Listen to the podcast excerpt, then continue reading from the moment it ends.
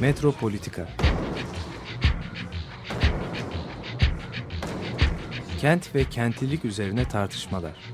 Ben oraya gittiğim zaman balık balık balık balık tutabiliyorum mesela.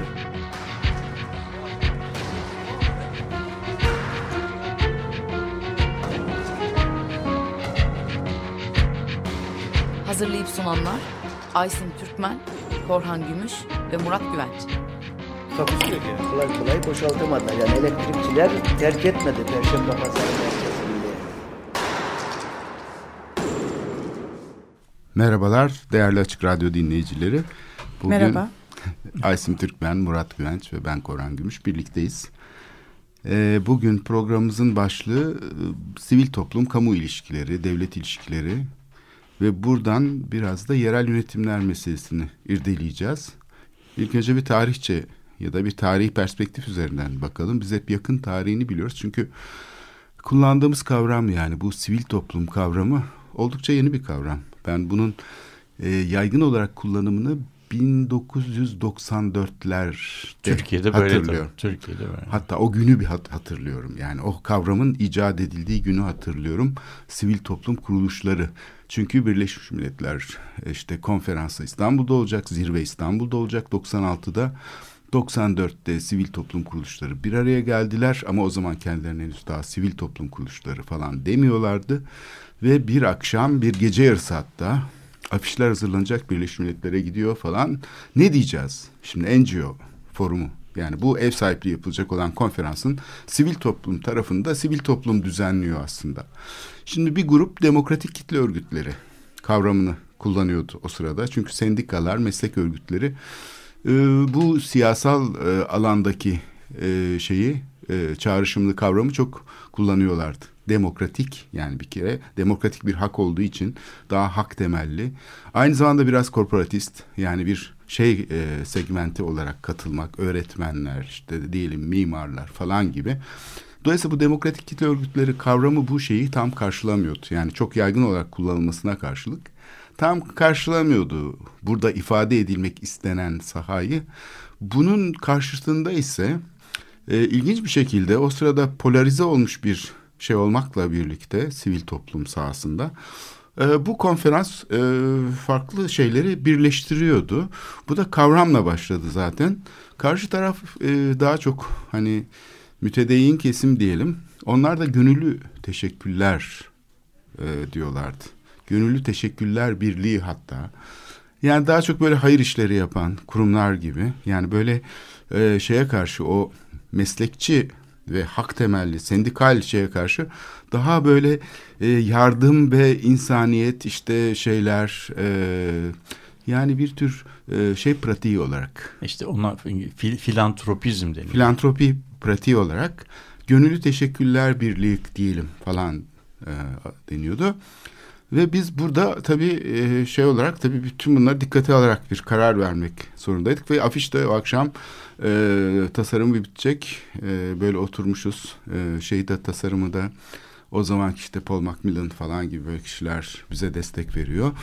E, böyle gece yarısına doğru işte o çok sayıda kitap basıldığı için o tarihlerde birdenbire bir yayın patlaması oldu. iletişim yayınları falan değil mi?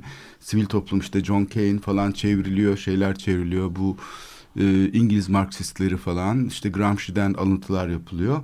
E, ben sivil toplum kuruluşları kavramının mesela şey olarak bunun yerine geçebileceğini yani bu jenerik kavramı ihtiyacı karşılayacağını çünkü vakıf diyoruz, dernek diyoruz da hani jenerik manada ne diyeceğiz? E, bu kavram böyle hemen e, şey oldu, e, kabul gördü. Hatta o kadar çok kabul gördü ki e, birdenbire belediyeler biz de sivil toplum kuruluşuyuz. Siyasi partiler biz de sivil toplum kuruluşuyuz. Biz de aslında sivil toplumu temsil ediyoruz falan dediler. Meslek kuruluşları zaten kendilerini sivil toplum kuruluşu olduklarını açıkladılar. E, birdenbire bir moda oldu. Herkes sivil toplum kavramının içine girdi. Fakat bu giriş tabii biraz problemli oldu. Çünkü sivil toplumun temsiliyle hani sivil topluma yer açma, alan açma şeyi iki ayrı işlev. Çok birbiriyle te- çelişebilen aynı zamanda işlevler. Yani sivilleşmeyle ilgili şey. Evet çok temel bir şey çünkü yani kendi şeylerini, e, kamu yararı kavramını, grup aidiyetini, kimliğini sivil toplum sahasında ya da kamu sahasında temsil etmek için örgütlenen şeyde sivil toplum kuruluşu. temsile dayanan ki bu da demokrasinin çok temel bir ayağı. Diğer taraftan da kamusal olana yol açan yani Chantal Mouffe'un deyimiyle kamusal, kamusal alanda yer alan değil kamusal olana yol açan faaliyetler de sivil toplum e, kuruluşu faaliyeti ya da faal, e, doğrudan olsa işlevi diyebiliriz. Çünkü onlar da işte diyelim e, bu alanda kimlik, cinsiyet vesaire tem, hak temelli konuların yanında bu alandaki şeyleri dert sahiplerini, e, eşitsizlikleri e, göz önüne çıkarıyorlar, görünür hale getiriyorlar. Nasıl iyileştirebileceğini politikalarını sorguluyorlar falan. Yani temsilden ziyade aslında siyasetin tek yönlü işleyişinin ya da işte otoriter bir e, yapının karşısında aslında bir sivil toplum alanı açıyorlar. Kamusal alanı genişletiyorlar. Burada da herhangi bir ayrıcalık e, peşinde koşarak ya da kendi çıkarlarını savunarak değil tam tersine temsil dışı bir işlev görüyorlar. Şimdi bu iki işlevin birbiriyle aslında çeliştiği bir e, şey içeriyor aslında sivil toplum kavramı.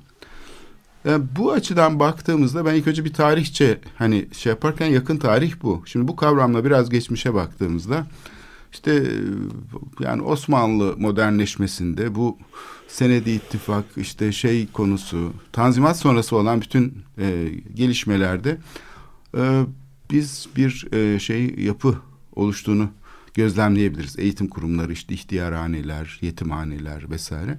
Bu kurumların aslında e, geleneksel Osmanlı çok kültürlü şeklinde tanıtılmasında bir problem olduğunu ben düşünüyorum. Çünkü bunlar aslında modern kurumlar. Yani modernleşmenin kurumları ve Osmanlı İmparatorluğu aslında bu ulus devletler e, çağında henüz daha ulus devletler şeyi başlamadan önce aslında imparatorluk basbayağı bir e, uzun bir süre farklı bir modernleşme tecrübesi yaşıyor bu çok milletli sistemle. Bu çok milletli sistem aslında bir tür Avrupa Birliği'ne benzetilebilir. E, ama modern bir proje yani geleneksel bir Osmanlı İmparatorluk şeyinden bir kalıntı değil, bir miras değil. Onu yeniden işleyen yani e, o geleneksel yapıyı yeniden dönüştüren kurumlarıyla e, bir millet sistemi oluşturuyor. Bu daha çok elitlerin birliği aslında. Kendi içindeki sınıfsal e, şeyi dikkate almayan hani Rum deyince mesela işte bir geçen haftaki programda da işledik. Hani ortak bir kimlik etrafında herkes. Onun için de halbuki o kadar çok farklılıklar var ki. Dolayısıyla bu millet sistemi yani Osmanlı e, şeyinin e, yapıştırıcı olarak kullandığı siyasal sisteminde yönetimsellik modeli aslında sivil toplumu da gene problemli bir şekilde aslında temsil sahnesine taşıyor. Yani bir millet olarak elitleriyle taşıyor ki bugünkü aslında modelinde biraz e, pek dışında bir şey değil gibi geliyor bana bu sistem. Ama tabii biraz biraz e, Osmanlı millet sistemi hakkında bir şeyler söylemek lazım. Yani Osmanlı'da şeyin e, yani bu milletlerin aslında e, eğitim, sağlık gibi e, önemli e, evlenme, yani sivil faaliyetlerin önemli bir kısmını kendilerinin yerine getirmesi gerekiyor.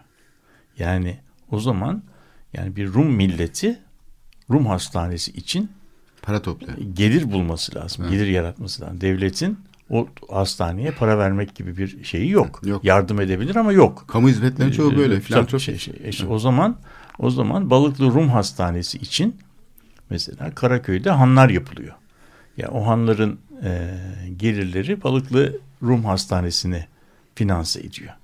Keza işte bir e, Ermeni okulu, Musevi okulu için bir e, sürekli şey yapan, e, gelir getiren bir sistem olması lazım. E, bu da tabii azınlık vakıfları dediğimiz şeyi e, yaratıyor. Vakıflarda, vakıflar üzerinden de şeyi, yani o sistemi e, hayat ayakta sürdürülebilir kılma e, imkanı oluyor.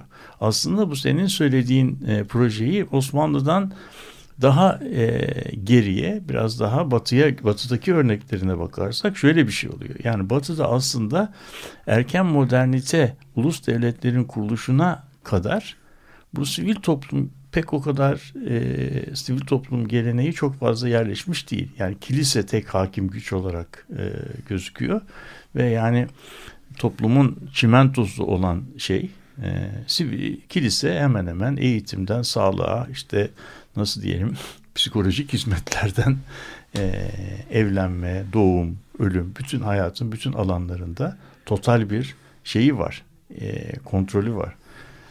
Ama bu, bu kontrol, bu kontrol kilisenin bu büyük kontrolü şöyle bir şeyle e, e, döneminde çok güçlü oluyor. Yani feodal dönemde çok güçlü. Feodal dönemde e, kilise karşısında görece zayıf yerel otoriteler var. Küçük devletler, şehir devletleri. Onlar toplumun tamamını örgütleyecek kadar büyük bir mali güce sahip değiller.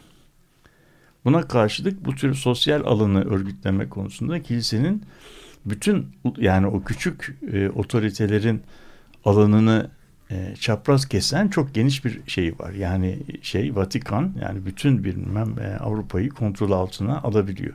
Şimdi o zaman her e, her kentte her yerleşmede iki tane otorite oluyor. Bir tanesi dini otorite, bir tanesi de yerel şey otoritesi. Ve bir yandan yani da seküler yani daha yani bir, bir işte bir, bir şey var. Yani bir işte e, bir işte yerel kont, dük neyse yani o feodal beyin şatosu var. Yani şato ve kilise yani şeyin e, yerleşmelerin iki tane önemli güç odağı. Fakat e, Amerika'nın keşfi ve kapitalizmin ölçek değiştirmesiyle beraber artık şehir devletleri Atlantik ötesi çok uzun mesafe ticaretinin gerektirdiği finansmanı yapamıyorlar. Yani şimdi bu sefer Hindistan'a gidecek bir ticaret varsa bir şehir devletinin Hindistan'da konsolosluk açması, denizlerde donanma bulundurması korsanlara karşı filan yani bir sürü masraf yapması lazım. O masraflarda şehir devletlerinin şeyini çok aşıyor, gücünü çok aşıyor. O, o da tedricen o döneme kadar böyle şekli bir otorite olan imparatorların veya kralların giderek güç kazanmasına e, sebep oluyor. Yani şehir devletlerinin şeyi azalırken krallar sembolik olmaktan çıkıp şeye doğru gidiyorlar. Daha böyle büyük güç kazanmaya başlıyorlar. Bu aslında doğa işin de- şeyinde bunu, bunu söylediğimi şuna benzetebilirsiniz. Mesela bugün futbol alanında bir federasyon başkanları var. Bir de kulüp başkanları var. Federasyonlar aslında kulüplerin oluşturduğu bir birlik. Ama çoğu kez kulüp başkanları federasyon başkanından daha önemli şahsiyetler. Çünkü çok daha fazla e, iktisadi ve toplumsal güce sahip. Ama zamanla artık kulüp başkanlarının ki de onları şehir devletlerinin diyelim gücü azalırken yerine şeyin e, federasyonun gücü e, artıyor. Mesela Fransa kralı birdenbire artık o şehir devletlerinin ilk önce bu Fransa'da oluyor. Yani önüne geçiyor ve önemli bir otorite haline. Şimdi Bu, bu e, sanayileşmeyle bu hız kazanıyor ve burada da yeni bir insan tipi ortaya çıkıyor. Yani artık bu yerel aidiyetin ötesinde başka bir modern insan modelinin kurulması lazım. E bu modern şehirlerde işte o eski surlar yıkılıyor. E, alanın tamamını kapsayan yeni bir yani citizen yani bu ulus devlete ba- bağlı bir yurttaş. Bu yurttaşın eğitim artık kilisenin kontrolünden çıkarak e, Aysim'in söylediği gibi sekülerleşiyor. Yani giderek artık yerellikler bunu şey yapmaya başladı. Ve yeni bir hayat, yeni bir tempo, yeni bir ritim ortaya çıkıyor. Bu, bu durumda bu durumda bu yeni bir hayatta yani bilginin, bilimin şey olması lazım. Toplumsallaşması lazım. Bu toplumsallaşma da arkadaşlar toplumsallaşalım, artık bir şey yapalım, sivilleşelim diyerek olmuyor. Bunun bu yürümek, yüzmek, paten kaymak filan gibi şey olma olarak yapılan bir şey. Ee, nasıl diyelim? Pratik içerisinde olur. Gündelik hayat. Gündelik, gündelik hayat pratiğinde bunu nasıl yapıyorlar? Mesela işte dernekler kuruluyor. Dernekler. Derneklerde hayatın her işine karşı bir dernek kuruluyor. Mesela astronomi, arkeoloji, efendim istatistik, matematik, coğrafya, tarih. Aynı zamanda bunun yanı sıra mesela dans. Dans okulları kuruluyor. Bunlar veya bridge. Yani eğlenceden e, bilime kadar birçok alanı alan önce sivil hayatta buna meraklıları tarafından örgütlenerek kuruluyor. Edebiyat ve müzik Edebiyat, edebiyat, ede- Evet. edebi- edebiyat, müzik, tarih, coğrafya ve eğer bilim tarihi biraz okunursa görülüyor ki bu benim anlattığım şeylerin çoğu üniversitelerde ders olarak okutulmadan evvel toplumda dernekler olarak var. Yani mesela istatistik dediğimiz şey İngiltere'de e, üniversitelerde ders olarak okutulmadan önce sivil toplumda toplumsal sorunları çözmek üzere e, gelişmiş e, dernekler olarak var. Bunun örneğini e, Raymond Williams falan anlatır. Yani işte Manchester gibi bir sanayi şehri kurulduğu zaman o şehrin tarihi yok. Tarihi olmadığı için belgeleri yok. O şehirde kilise yok. Ama ortalıkta binlerce kişinin olunduğu bir oluşum var. Bu oluşumun bilgisi yok. Bilgisi olmayan şeyin de yönetilmesi çok zor oluyor. Onun için Manchester'lar kendi aralarında yani bu oluşan ve daha öncesi olmayan yeni oluşumu izlemek için nasıl izleyebiliriz diye bir dernek kuruyorlar. Ve bu dernekte araştırmalar içerisinde o dönemde kumarbazların cebiri yani gamblers algebra denen istatistiğin yani ihtimaliyat hesaplarına dayalı bir bilgi toplama yol, yolu olabileceği e, ortaya çıkıyor. Ve bu Manchester'da yapılan ilk uygulamalarda muazzam başarı sağlıyor bu şey. Ve bunun ilk kongrelerini mesela nasıl yaptıklarına dair bilgiler var. İngiltere'de posta arabalarının durak yaptıkları e, şeylere, istasyonlara şeyler asılıyor, pamfletler asılıyor. Arkadaşlar bu Gamblers Algebra diye bir şey var. Bu, bu yolla işte bütün şehri tek tek incelemeden rastlantısal bir örneklem yoluyla bilgi toplayıp bundan toplumsal e, hayata yararlı şeyler yapılabiliyormuş. Meraklısı olan gelsin işte biz o şurada toplanıyoruz diye haber şeyler asılıyor. Ve işte birkaç sene sonra veya bir, bir yıl sonra işte Manchester'da ilk bu Manchester Statistical Society, Manchester İstatistik Birliği'nin ilk toplantısı yapılıyor. Ondan sonra çok büyük başarı sağlıyorlar. Yani Manchester'ın az para harcayarak yerel bilgisini topluyorlar. Ve onun üzerinden de bir takım ihtiyaçları belirleyip politikalar şey yapıyorlar. Ondan sonra bu örnek, yerelde başlayan bu örnek Londra'da emulate, tekrarlanıyordu. Londra'da da London Statistical Society kuruluyor. Bu iki şehrin başarısı İngiltere'de çok etkili yapıyor. Kraliçe de kraliçe de diyor ki ben bunu şeyimin altına alıyorum. Hani e, patentimin altına alıyorum. Ve bu iki dernek bir birleşip Royal Statistic Society, Statistical Society denen bugüne kadar yaşayan bir şeyi kuruyor ve ondan sonra da üniversitelerde. Şimdi bu benim örneğimi uzatmak mümkün. Önemli olan bu, bunu ben niye anlattım? Şu şöyle yani esasen bizim bugün kurumsal olarak bildiğimiz pek çok şeyin aslında kökenine gittiğin zaman bu aslında sivil toplumda başlamış olan bir bir gelenek. Demin danstan bahsettim. Dansla ilgili küçük örnekte de yani bu modern topluma geçişle beraber ilk defa insanlar tatil yapmaya başlıyorlar. İşte böyle sayfiye yerlerine gidiyorlar. Sayfiye yerlerinde zaman geçirebilmek için, zaman geçirebilmek için oyun gibi şeylerin örgütlenmesi söz konusu. Tabii kadın erkek ilişkileri de kilise tarafından düzenlenen kalıpların ötesine geçiyor. Ve dans mesela, dans bu kadın erkek ilişkilerinin başka bir terimler üzerinde yeniden kurulabilmesi için bir vasıta oluyor. Şimdi dans dans nasıl dans aslında dans için yapılan bir şey değil. Yeni bir toplumun kurulmasını mümkün kılabilecek kadın ve erkek ilişkilerine yeni terimler üzerinden yapabilmenin bir şey. Burada nasıl yapılabiliyor? Mesela işte daha çok orduyla ilişkili yani disiplin altındaki e, gençlerin erkeklerle o şehrin nasıl diyeyim temayüz etmiş ailelerinin e, genç kızlarının dans edebilmeleri için bir kulüp kuruluyor. Bu kulüpte kimin ne zaman kiminle dans edeceği, hangi hangi programda neyin çalınacağı, dansın nasıl edileceği, bütün bu iş kimin kontrolü altında olacağı, nasıl bir terimler üzerinde olacağı belli. Ve sonunda dans üzerinden ne yapıyorlar? Kadın ve erkek ilişkilerini değil mi?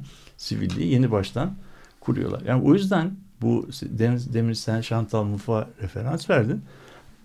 Bizim kamusal alan dediğimiz kamusal alan pratik dediklerimiz, dediklerimizin çoğu aslında tarihsel köklerine gittiğin zaman bu tür sivil toplum kuruluşları tarafından icat edilmiş şeyler. Burada siz anlatırken ben de aynı zamanda düşündüm. Ee, yani çıkış noktası da yani Biraz kiliseye alternatif olarak Tabii. aslında farklı bir toplumu kontrol mekanizması. Kurmak, kurmak. Evet. Kurmak ve kontrol etmek. Yani burada şey hep biz sivil toplum böyle bir özgür alan aslında gibi düşünüyoruz ama bir yandan evet kiliseden bir özgürlük kazanan bir alan Ama aynı tümüyle değil. zamanda da e, alternatif kontrol mekanizmalarını oluşturma Tabii. alanı olarak. Çünkü bir de ahlak, bir sivil toplum ahlakı diye de bir şey var. Bu sivil toplum ahlakının kurulması zor bir şey ve hala da bizim çözebildiğimize de ben e, emin değilim. Demin senin e, örne e, örneklediğin gibi.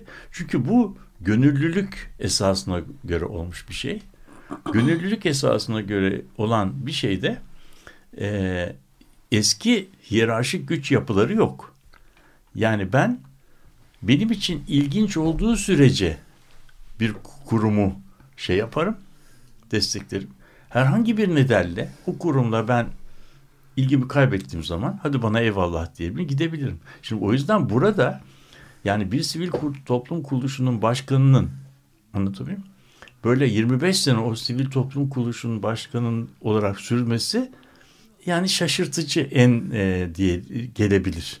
Çünkü o sivil eğer e, eğer bu bir sivil toplum kuruluşu ise onun başkanlığı biraz apartman yöneticiliği gibi bir şey. Yani e, sırayla yapılan, yap, gerektiği zaman yapılan ama bunun üzerinden güç filan elde edilmesi ve bu başka bir şeye siyasete girmek veya başka bir alanda e, hakimiyet e, kurmak için bir basamak ol, olmaması gerekir. Yani sivil toplum şeyinde. O yüzden yani yasayla kurulmuş kamu görevi yaptığı iddiasında olan meslek örgütlerinin sivil toplum kuruluşu olup olmadıkları e, konusu bence üyeliğin zorunlu olduğu e, sivil toplum kuruluşlarının meslek kuruluşları sivil toplum mudur? Sivil topluma benzer işler yaparlar doğru. Faaliyetlerini faaliyetlerini belirleyen bir şey yoktur. Ama neleri yapacak yapabilecekleri, neleri yapmamaları gereken şeyler de nasıl diyelim patentlerinde, kuruluş şeylerinde yazılıdır. Yani o yüzden özellikle zorunluluğun olduğu herhangi bir şey e, sivil toplum olarak e, değerlendirilmemesi gereken yani bu gönüllü- uzmanların rolünü isterseniz e, ayrıca bir de konuşalım. Çünkü yani e, şimdi burada bir karışıklık oluyor. Yani bir sivil toplum di- dediğimiz zaman halk kesimi anlaşılabiliyor ya da belli bir ilgi grubu anlaşılabiliyor ama aynı zamanda da edinilmiş bir kimliğin temsili söz konusu oluyor ki bu bambaşka yani bir uzmanlar bir araya geldiklerinde niçin örgütlenirler? Bu deminki söylemiş olduğun hani Aysim'in de altını çizdiği e, sivil toplum o kadar özgür bir alan değil. Aslında içinde bir takım filtre mekanizmaları var. Mesela işte mesleki kimlik burada çok açı, e, çok ö- önemli bir gösterge. Yani buraya eğitimsiz insanlar pek giremiyorlar. Yani bir dans okulu bile olsa Tabii. Yani bir eğitimsiz Seçilerek- insanın oraya girmesi ya da bir yat Bir, kulübü. bir, bir iç kulübü. Bu- ya evet. işte bir iç kulübü işte bu şeyde mesela İstanbul'da kurulmuş olan kulüpleri düşünelim 19. Tenis kulübü. Yüz, yüzyıl sonunda ya da 20. yüzyıl başında yani bu kulüplere öyle tenis eskrim dağcılık kulübü, moda deniz kulübü, efendim Büyükada yat kulübü. Bunlara böyle e, şeyin hani oradaki bizim işte Büyükada'daki sütçü Yorgo vardı. O da çok meraklıydı işte de denizciliğe. Onun için onu da içeri aldılar diyor. Ancak aşçı olarak girebilir, yamak olarak girebilir, e, temizlikçi olarak girebilir. Yani oralara şeyin o sivil toplum alanına e, girmek mümkün değil. Muazzam bir e, şey var e, aslında. Yani kapalı bir topluluk bunlar. Hepsi çok kapalı ve e, son derece seçkinci. kapalı olmalarına rağmen de orta sınıf ahlakını belirleyen ve aslında alt sınıfları da e, bu ahlakla kontrol eden belirli bir şey altında tutan hegemonya altında da tutan bir başka şeyleri de var. Yani hem, eminim Avrupa'da olduğu gibi bu, bu- burada, burada da yani Cumhuriyet'le birlikte bu- bunlarda ciddi bir o, yani modayı belirleyen işte giyim e, giyim kuşamı belirleyen hayat tarzlarını belirleyen bir be- yani hegemonik başka bir e, şeyleri de var. Tabii yani bizim mesela e, Ahlakı şey-. Evet işte yani cemiyet denen şey, cemiyet haberleri filan denen şey işte bunun üzerinden kuruluyor. Cemiyet cemiyet cemiyet haberleri dergilerini açtığımız zaman orada gördüğümüz toplantıların belki yüzde e, 50'sinden fazlası aslında bir böyle özel toplantı değil, bir vesileyle yapılmış olan bir e, bir sivil toplum kuruluşunun bir şeyi yani işte e, Rotaryenlerin bilmem nelerin kermesinde veya işte bilmem nesinde bir araya geliyorlar. Yani o aslında bir üst orta sınıfı bir arada getirip şey yapıp ör, e, örgütleyen, onlara bir ay, ayırt edicilik kazandıran, aynı zamanda bir ayrıcalık veren bir bir şey, bir bir, bir mekanizma gibi düşünebiliyoruz. Bunun bunun bu tarafı var tarihsel olarak. Ama içinde bir de potansiyeli var. Bunu herkes yapabilir. Yani sivil toplum e, kurmak tamamen üst sınıflara tanınmış bir ayrıcalık değil. Yani bu dernekleşme, örgütleşme. Yöre e, dernekleri. E, tabii yöre dernekleme. Yani hemşeri dernekleri kurulabilir. Hemşeri dernekleri kurulabilir. E, işte yerellikler bunun üzerinden e, örgütlenerek kendi yerelliklerini şey yapabilirler, kurumsallaştırabilirler. Bu, bu tür e, imkanlar var. E, ama bence şimdi bugüne gelirsek 90'lı yıllardan sonra bu böyle hemen kurulabilecek bir şey değil. Bu çok uzun bir e, tarihsellik içerisinde bunlar bir e, kurumsallaşabiliyorlar. Her şeyin STK'nın STK kısaltmasını kullanıyoruz. Kendine özgü bir kurumsal kültürü var. Kendi gelenekleri var. Bunların oluşması da akşamdan sabaha olacak şeyler değil. Bu STK'ların bence en önemli noktalarından bir tanesi demin söylediğimiz bu gönüllülük. Yani birisi ben ben buradan artık ilgimi kaybettim, ayrılıyorum, başka bir yere gidiyorum dediği zaman ona hayır gidemezsin e, deme hakkımız yok. Sivil toplumda bir adam yani kişinin tamamen gönüllü ve isteğiyle bu olması lazım. O yüzden böyle bir baskının olmaması lazım birincisi. İkincisi de bu sivil toplum dediğimiz şeyin e, kamu kaynaklarıyla, kamusal kaynaklarla yani parasal akçeli işlerinin çok e, çok nasıl diyelim e, özenle e, kıskanç bir biçimde özelliklerini koruyabilmeleri lazım. Şimdi sivil toplumun özgürlüğü, özelliği ve gönüllü yapısı aslında parasını nereden aldığı, neler yaptığıyla doğrudan ilişkili. Benim toplumun zaten kutuplaşmasına ve şey açan olay kamu alanıyla yani sivil alanın evet. iç içe geçmesinden kaynaklanıyor. Şimdi o zaman o zaman bir sivil toplum kuruluşu şeyini e, gelirini, akçalı desteğini iktidarla e, yoğun ilişki içerisinde sağlıyorsa o zaman süreç içerisinde e, sivil toplum kuruluşunun sahip olması gereken özelliği ne kadar sürdürülebilir? Bu konuda büyük bir soru işareti var. Çünkü biz biliyoruz ki parayı veren düdüğü çalar. düdüğü çalar. Evet. Şimdi düd, düdüğü belli bir yerde çaldığı zaman da o sivil toplum şeyini kontrol oraya e, geçmiş oluyor. Şimdi bizim e, bizim ülkemizde sivil toplum kuruluşlarının kurulması kadar özelliklerin korunması evet. ve bir de bu e, şeyin e, gönüllü yapının e, gönüllülüğün sürdürülebilmesi. Yani bunun bir sıçrama taşı, tramplen, trampolin, zıplama, başka alanlara zıp, yani araççı olarak kullanılması gibi bir üç, evet. bir problem var. Yani özellik araççı olarak e, kullanılmama, bir de şey gönüllülük esas.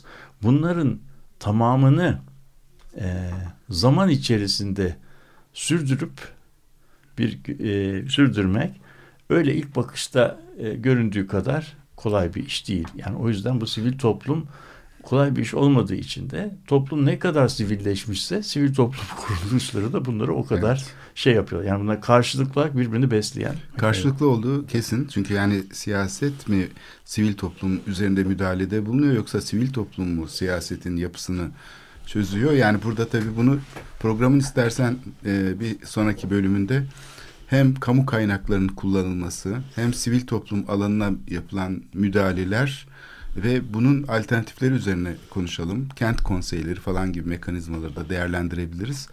Yerel yönetimlerle de ilişkisini bu açıdan irdeleyebiliriz diyorum. Şimdi bir müzik arası verelim. Thank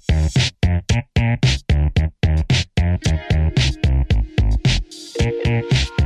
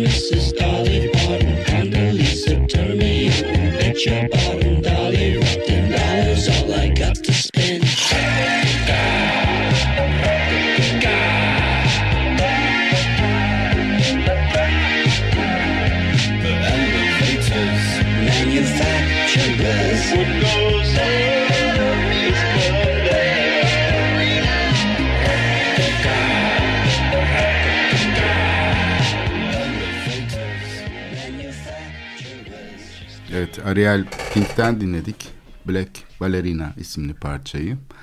Şimdi e, Murat Güvenç, Aysim Türkmen ve ben Korhan Gümüş Metropolitika'da sivil toplum e, kavramını konuşuyoruz. Sivil toplum, kamu ilişkilerini ve bunun yerel yönetimler üzerindeki etkisini de konuşacağız. Şimdi bu şey sivil toplum kavramı aslında bu e, şey e, aslında yapıcı bir kavram olarak da karşımıza çıkıyor. Yani işte dün Pınar Erkan'ın programında Tarabya kıyı düzenlemesinin işte oradaki şey tarafından yapıldığını, sivil e, topluluk tarafından işte Büyükada'da gene düzenlemelerin falan e, tıpkı nasıl e, şey yapıyorsa hani kamu faaliyetini bir şekilde ikame eden ya da o dönem zaten öyle bir kamu olmadığı için e, işte kilise vakfı, hayırseverler devreye giriyor. Hastaneler kuruyorlar, okullar kuruyorlar. E, muazzam yani büyük tesislerin altında hep e, sivil toplum kuruluşlarının imzası var 19. yüzyılda. E, bunların e, hiçbiri yani kamu fonuyla yapılmıyor bu faaliyetlerin çoğu yani sonradan kamu üstlenmeye başlıyor bazı şeyleri. Önce sivil toplumda başlıyor bütün bu kurumsallaşma. Fakat e, günümüze geldiğimizde şimdi sivil toplum alanı böyle bir e, şey e, kamu ile ilişkilerinde bir e, şey içeriyor bir hassaslık yani bunun üzerine bir düşünülmesi gereken bir konu. Siyasi pratiklerin aslında bunun üstüne kurumsallaşması gerekirken biraz da ihmal edilen bir konu. Neden? Hani parasal sermaye bazen öne çıkıyor. Ee, bunlar ama sivil toplum alanı ve bilişsel alan bir sermaye türü olarak o kadar e, şey olarak tartışılmıyor. Yani sol tarafta da mesela hep sermaye deyince para anlaşılır. Oysa ki bilginin nasıl kullanıldığı, nasıl paylaşıldığı bu pek sorun edilmez. Aynı şekilde bugün yani tıpkı ulus devlet inşasındaki devlet gücünü kullanarak sivil toplumu inşa etmek. Yani işte vakıflara, derneklere bütçe ayırmak. Bu çok e, şey hale gelmiş vaziyette. Yani çok belirgin bir hale gelmiş vaziyette. Eskiden kamu yöneticileri sivil toplum kuruluş kurarlardı. Ama o şeydi yani şeklen işte üniversitenin işlerini idare etmek için ya da işte diyelim ki bir e, işte ne bileyim bir kamu kuruluşunun araçlarının benzinlerini satın almak için bir vakıf kurarlardı. Trafik vakfı olurdu, şu olurdu, bu olurdu. Yönetici değiştiğinde de o vakfın yönetimi değişirdi. Şimdi öyle değil. Doğrudan doğruya hani sivil toplumu oluşturmak üzere işte e, ilçelerde mesela şeyler kuruluyor.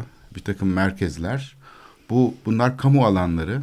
Hatta mevcut STK'ların ya da kent konseylerinin kullandığı yerler varsa adalardaki gibi bunlar boşaltılıp Onlara o kuruluşlara veriliyor ki hani bu aslında çok e, tuhaf bir şey yani bir- birdenbire hani şeye geri dönmüş gibi oluyoruz. Yani ulus devletin inşasında böyle kurulan şeyler halk evleri falan gibi hani böyle bir orada işte gençler gelecek. Ama bir taraftan da bunları şirketlerle yapmaya çalışıyorlar. İlginç olan bir taraftan bunu kamu kendisi yapmıyor. Bir takım vakıflara veriyor. Bu vakıflar da genellikle kendi yönettikleri vakıflar. Fakat o vakıflar da tabii böyle bir kapasiteye sahip olmadıkları için taşeron şirketlerle mesela yöneticilik eğitimi programları, spor, işte şey, e, bilişim teknolojileri falan eğitimi gibi hani nasıl belediyelerin kültür merkezleri işte Tarık Zafer Tuna'ya falan nasıl işletiliyorsa yani bir kültür kurumu olarak yönetilmiyor. Aslında bir şirket gibi yönetilmeye çalışılıyor. Onun da pek başarılı olması mümkün değil. Çünkü sivil toplum kuruluşlarının yani bir bağımsızlığı olması gerekir tabii ki kamudan. Yani bir kere kendisinin bir şeyi olma, ayrı sorunsalının olması lazım. Bir de işleyiş olarak hiyerarşik olmaması gerekir. Yani emir komutayla bilgi üretilir mi ya da ticari bir şekilde, bağımlı bir şekilde bir sanat faaliyeti gerçekleşir mi? İşte bir bu- konferans gerçekleşir mi? Burada çok temel bir şeyin e, farkındalığını üretmemiş gibi gözüküyor Türkiye siyasal sistemi. O da e, bu şeyin mantığının başka türlü örgütlenmesi gerektiğini. Yani bilgi dediğimiz şey ticari bir mantık gibi ya da işte bir ihale sistemindeki hizmet alımı gibi örgütlenemez. Burada mutlaka başka tür mekanizmaların olması lazım. Evet şimdi senin e, senin başka baş- başta söz ettiğin bu NGO karşısında biz ne kelime bulacağız? Kavga şey vardı, sorunu vardı. Şimdi evet. NGO non-governmental organization yani hükümet dışı kuruluşlar.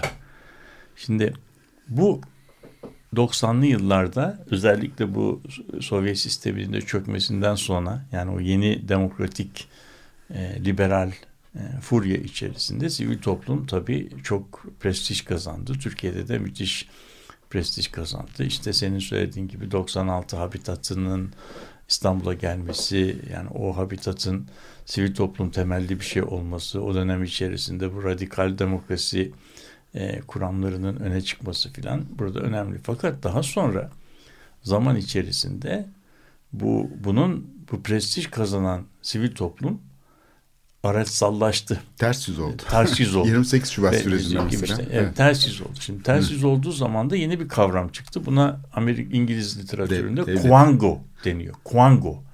Yani Quango quasi NGO. Yani sanki sözde NGO. Bir de Gongo var. İşte Quango Gongo işte. Gongo ile Quango aynı şey yani. Evet. Yani government yani şey olarak e, acayip yani şey sanki adeta NGO. Adeta Görünümlü. NGO, görün, Kılıklı. NGO görünümlü. Evet. Hani Doğan görünümlü Şahin gibi NGO görünümlü bir bir bir şeyden Devlet. bahsediyor. Devlet. Yani aslında burada bunun özelliği bu şeklen NGO gibi gözüküyor. Fakat özelliği yok. Şimdi özelliği olmadığı için de aslında bu kamu kaynaklarının kullanarak şey yapıldığı, ayakta tutulduğu bir şey, bir şeyden bahsediyoruz, bir oluşumdan bahsediyoruz. Bunun e, bunun neden e, bir sivil toplum kuruluşu olamayacağı şuradan belli. E, bir demokratik toplumda iktidar değiştiği zaman yeni iktidar daha kendisinden önceki e, dönemde Kurulmuş kuangoları. Kuangoları. Onlar da e, Kuango aslında. Tabii, onlar da Kuango. Onlar da yani Onlar da- NGO o- değiller. Onlar, onlar da NGO. Şimdi NGO olsa devam edecek. Evet. NGO olmadığı için bu yeni döneme adapte olamıyorlar. Altından Onlar su- zemini su- çekiyor. Tabii sudan çıkmış balığa geliyor. O zaman bir tarafta bir taraftaki kuangolar yani kuangoların bir kısmı e, şey yaparken can çekişirken ortalıkta yeni kuangolar kuruluyor. Onlar da maşallah On, onlar da gürbüz bir maşallah şekilde. şey gelişebiliyorlar. Evet. Şimdi o zaman bizim bu sivil toplum kuruluşundan bahsederken bu hiç isim vermeden söylediğimiz A'lar ve B'ler tipindeki şeyin dışına çıkarmak lazım. Yani bir kuangu kurulurken o kuangunun belki en kıskançlıkla e, şey yapacağı, nasıl diyelim, savunacağı e, şey ilke özellik olmalı. NGO olmaya doğru Evet, gitmeye tabii, lazım. Ama yani- onun tersine Yani gidiyor. bunun bu, Oradan bu, bu çok alır, zor. Bu çok alıyorsa- zor bir şey. Evet. Çok zor bir şey. Çünkü bir NGO yaşayabilecekse yani kendini gerçekleştirebilmesi için başkalarının yapmadığı buluşçu, yenilikçi bir şey ortaya koymak. Bunun için de değil mi? Yeni fikirler üretmesi, yeni hangi alanda olursa olsun astronomiden şeye kadar sanat tarihine kadar, coğrafyadan bilmem e, coğrafyadan dans eğitimine kadar. Yani şey, toplumda Araçsal bakmayacak. Bak, araçsal bakmıyor. E bunu yapabilmesi için bir takım kaynaklar bulması lazım. Bu kaynakları en kolay sağlayabilecek e, sağlayabileceğin şey kamuyla işbirliği halinde olmak.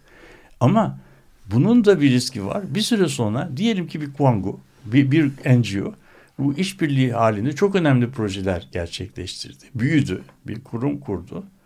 Ondan sonra da devran değişti, iktidar değişti. Şimdi bu, bu kurum nasıl yaşayacak? Kendini nasıl sürdürebilecek? O yüzden e, bu tür kurumların kurumsallaşması konusunda çok büyük e, problemler var. Kurumsallaşma demek bir takım insanların çalışması demek. Bir takım insanların çalışması, onların sigortalılıkları, e, işte özlük hakları, kıdem tazminatları, bütün bunlar böyle bir şey. Bu, bu e, kurumsallaşma sonunda hantal bir yapı getiriyor. Hantal bir yapılanmada bunların aslında iktidarla olan e, şeyini, nasıl diyelim, bağlantılarını daha da Güçlü e, hale. gü- güçlü hale getiriyor ve kaçınılmaz kılıyor. Ondan sonra Şey- kırılganlaşıyorlar. Tabii kırılgan o zaman. Yani bu demek ki özelliğin kaybedilmesi kötü insanların yaptığı bir şey değil. ku- Kurumun içerisinden. Ama bir taraftan da bu yeni teknolojiler, yeni iletişim teknolojileri, yeni proje bazlı olarak bunların akordeon gibi proje varken genişleyip proje bittiği zaman daralmaları ve bu şekilde e, özelliklerini koruyabilmelerine ilişkin modeller geliştirmeleri bence çok önemli. Taktikler ve işte Şeyler, şeyler, ya ama burada burada burada yani şeyin bu bilincin e, gelişmesi ve kısa vadede kamu kaynakları veya kolay fonlarla yapılmış olan e, büyük parlak projelerin şeyine nasıl diyelim e, çekiciliğine, cazibesine e, kapılmadan uzun erimli biz özelliğimizi nasıl koruruz? Evet. Bu bu bu ben bence en temel önemli bir şeyler. şey. Bunun e, şeyini aslında e, karşısında olan engellilerden biri şu neoliberal dönem dediğimiz dönem aslında toplumu tasarlama düşlerinin aslında bir tür e, geri çekilip yani bu şehirlerin haline falan baktığımızda büyük sermaye, küresel sermaye at oynatıyor. Geri çekilip ama onu e, üzerinde bir şey elde ederek e, denetim yani işte bunun içinde milli siyaset çok önem kazanıyor. O küresel sermayenin karşısında bir takım şeyler yaratmaya çalışıyor. O kutsal bagajla onun üzerinden çalışıp sivil topluma kaynak aktarıyor. Yani bu giderek de güçlenen bir eğilim. Yani kamusal alandaki şeyin aslında boşluğun bir şekilde piyasa aktörleri tarafından işgal edilmesi sonucunda o kutsal amaçlar yani işte biz bu kapitalizme karşıyız, düzeni değiştireceğiz, işte şeye karşıyız, e, bu e, bize ait olmayan değerler falan bu söylemler gelişiyor ama bu söylemler tuhaf bir şekilde e, kamu sahasının ile yani bütün bu şeyin daralan bu alanda sadece bir e, şey gibi hayalet gibi şeye musallat oluyor. E, sivil toplum sahasına ve orada kendisini yeniden üretmeye başlıyor. Orada birdenbire böyle bir tiyatrovari bir sivil toplum inşasını görüyoruz. Bu ne kadar başarılı olur onu bilmiyorum. Burada önemli bir şey de tabii e, yeni bir insan yetiştirme Tabii, amacı insan- taşıyor. Tabii gençlik yani gençliği vesaire. tekrardan oluşturma, İşte- yeniden yetiştirme amacı taşıyor ve burada tabii e, tek tipliliğe doğru giden Evet homojen bir belirli ulus, bir grubun e, evet belirli bir grubun kafasında e, şekillendirdiği e, bir kurgu aslında olan bir şeyi e, geniş kesimlere uygulama amacı taşıyor. O zaman da herkes bunu yapınca tabii çatışma ortaya çıkıyor ve işte bu şey iç e, savaşlar bu yüzden çıkıyor zaten yani bütün topluluklar birbiriyle aynı askeri tekniklerle cepheleşmeye başlıyorlar falan. Ulus devlet gibi yani sanki bir ilan edilmemiş iç savaş yaşıyor. Ülkeler kendi içinde işte Suriye'de gördüğümüz şeyde gördüğümüz falan gelişmelerde böyle. Şimdi buna karşı yaratıcı tekniklerden biri ne olabilir diye bakarsak ben bir tanesini şey olarak görüyorum. Bu Habitat konferansı öncesinde 94'te mesela bu denendi.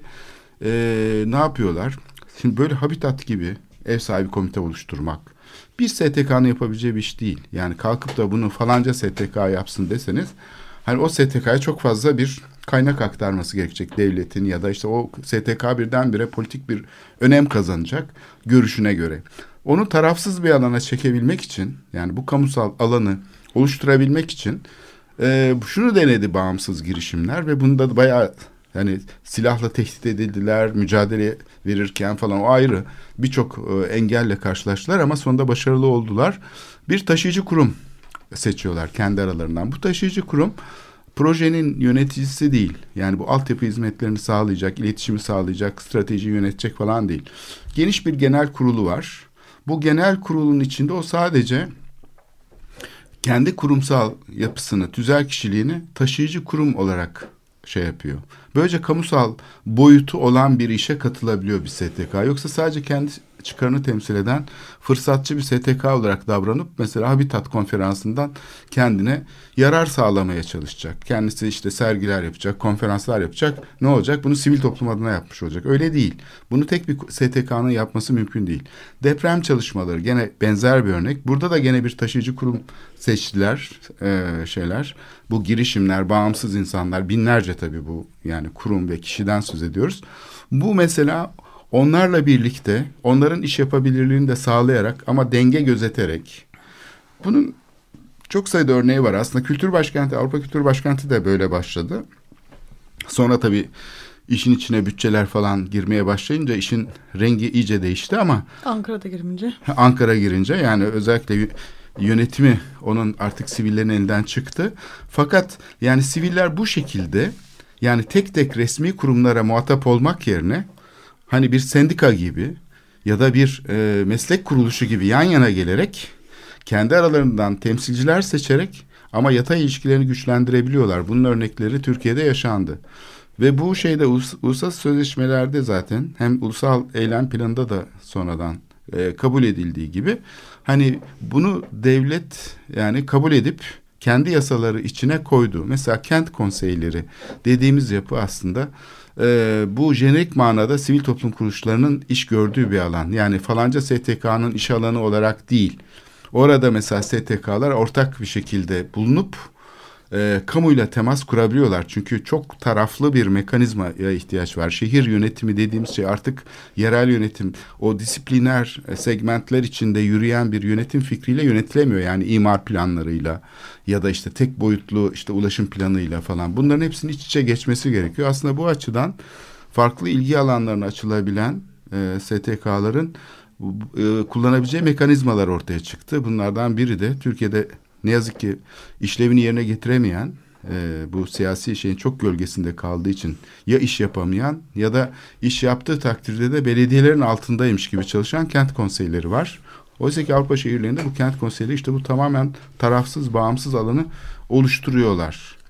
E, bu örnek mesela e, Türkiye'de de hani yani herhalde herhalde benim artık zamanımız da daralıyor şeyimiz e, şu e, yani böyle bu sivil toplumu e, sivil toplum böyle pratik içerisinde yaparak e, kurulacak kendi ahlakını da kendi e, kurallarını da normlarını da e, süreç içinde geliştirecek bir alan. Yani buna e, buna böyle dışarıdan müdahale edilmemesi, bu, bu kurumda çalışan insanların gönüllülük ve özellik meselesini çok önemsemeleri, kamuyla ilişkilerinde proje yapmak anlamında değil, kamuyla ilişkiye girmek meselesi değil ama projeyle e, projeyi e, proje finansmanı konusunda alternatif kaynaklar e, yaratmaya, kaynakları çeşitlendirmeye çalışmaları lazım.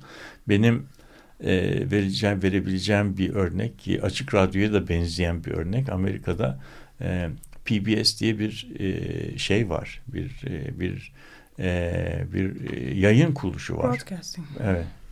PBS. Bu burası ticari bir kuruluş değil. e, izleyicilerin şeyiyle çalışan bir kurum. E, destekleriyle ayakta duran bir kurum. Ve bizim bu e, Susam Sokağı falan gibi dizilerimiz vardı ya çocuk diziler. İşte onlar psikologların katılımıyla o şeyde geliştirilmiş olan bir şey. Bu kuruluşun tabii Amerika gibi yüksek e, şeyli bir hani kapitalizmin çok gelişmiş olduğu bir yerde yaşayabilmeleri için diğer ulusal e, nasıl diyeyim yayın ağında bulunabilmeleri lazım. Bunun için de neye ihtiyacı var? Desteğe, parasal desteğe ihtiyacı var. Parasal destek de nerede var? Corporate dünyada, şirketler dünyasında var. Ama yani şey bu PBS televizyonu public yani kamusal e, kamusal yayın kuruluşu kendine şöyle bir ilke koymuş. Biz e, şirketler dünyasından aldığımız her şeyin şey alabiliriz. Yani destek alabiliriz. Ama oradan aldığımız desteği kadarını kamudan toplamamız lazım. Kamudan toplayamadığımız desteği öbür taraftan ikame edemeyiz. Yani birisi o bana 5 bin lira verirse denge. Ya o zaman hiçbirisi ben ben parayı verdim düğü çalarım diyemeyecek. Şimdi mesela bu tür Karma ilke, şimdi bu yüzden yani bir şeyin bence yapılan iş kadar özelliğin korunmasını e, önemsiyorum. Yani özelliği koruyarak iş yapabilmek bence esas esas, şey esas bu, olmalıdır. Evet. Bunu evet. yapmadığımız zaman bunun araççı kullanımları çok mümkün oluyor. Ondan sonra da iktidar değişimlerinde bu kuruluşlar e, şey yapıyorlar. Sanat evet. için de aynı şey geçerli. Kesinlikle. Çok önemli evet. yani. Sanatta da Türkiye'de bu özelliği sağlayabileceğimiz evet. günler evet. gelir inşallah. inşallah. Evet bu konuyu evet bir kere daha işleriz tahmin ediyorum bu yerel seçimler öncesinde. Ee, haftaya görüşmek üzere diyelim. Hoşçakalın. Yap.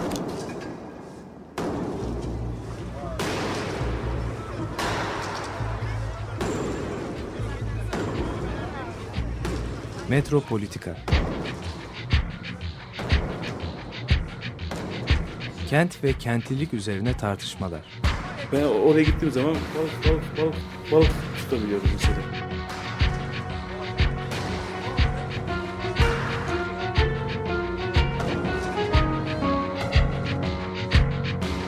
Hazırlayıp sunanlar Aysin Türkmen, Korhan Gümüş ve Murat Güvenç takusuyor ki. Kolay kolay boşaltamadılar. Yani elektrikçiler terk etmedi Perşembe Pazarı merkezinde. Açık Radyo program destekçisi olun. Bir veya daha fazla programa destek olmak için 212 alan koduyla 343 41 41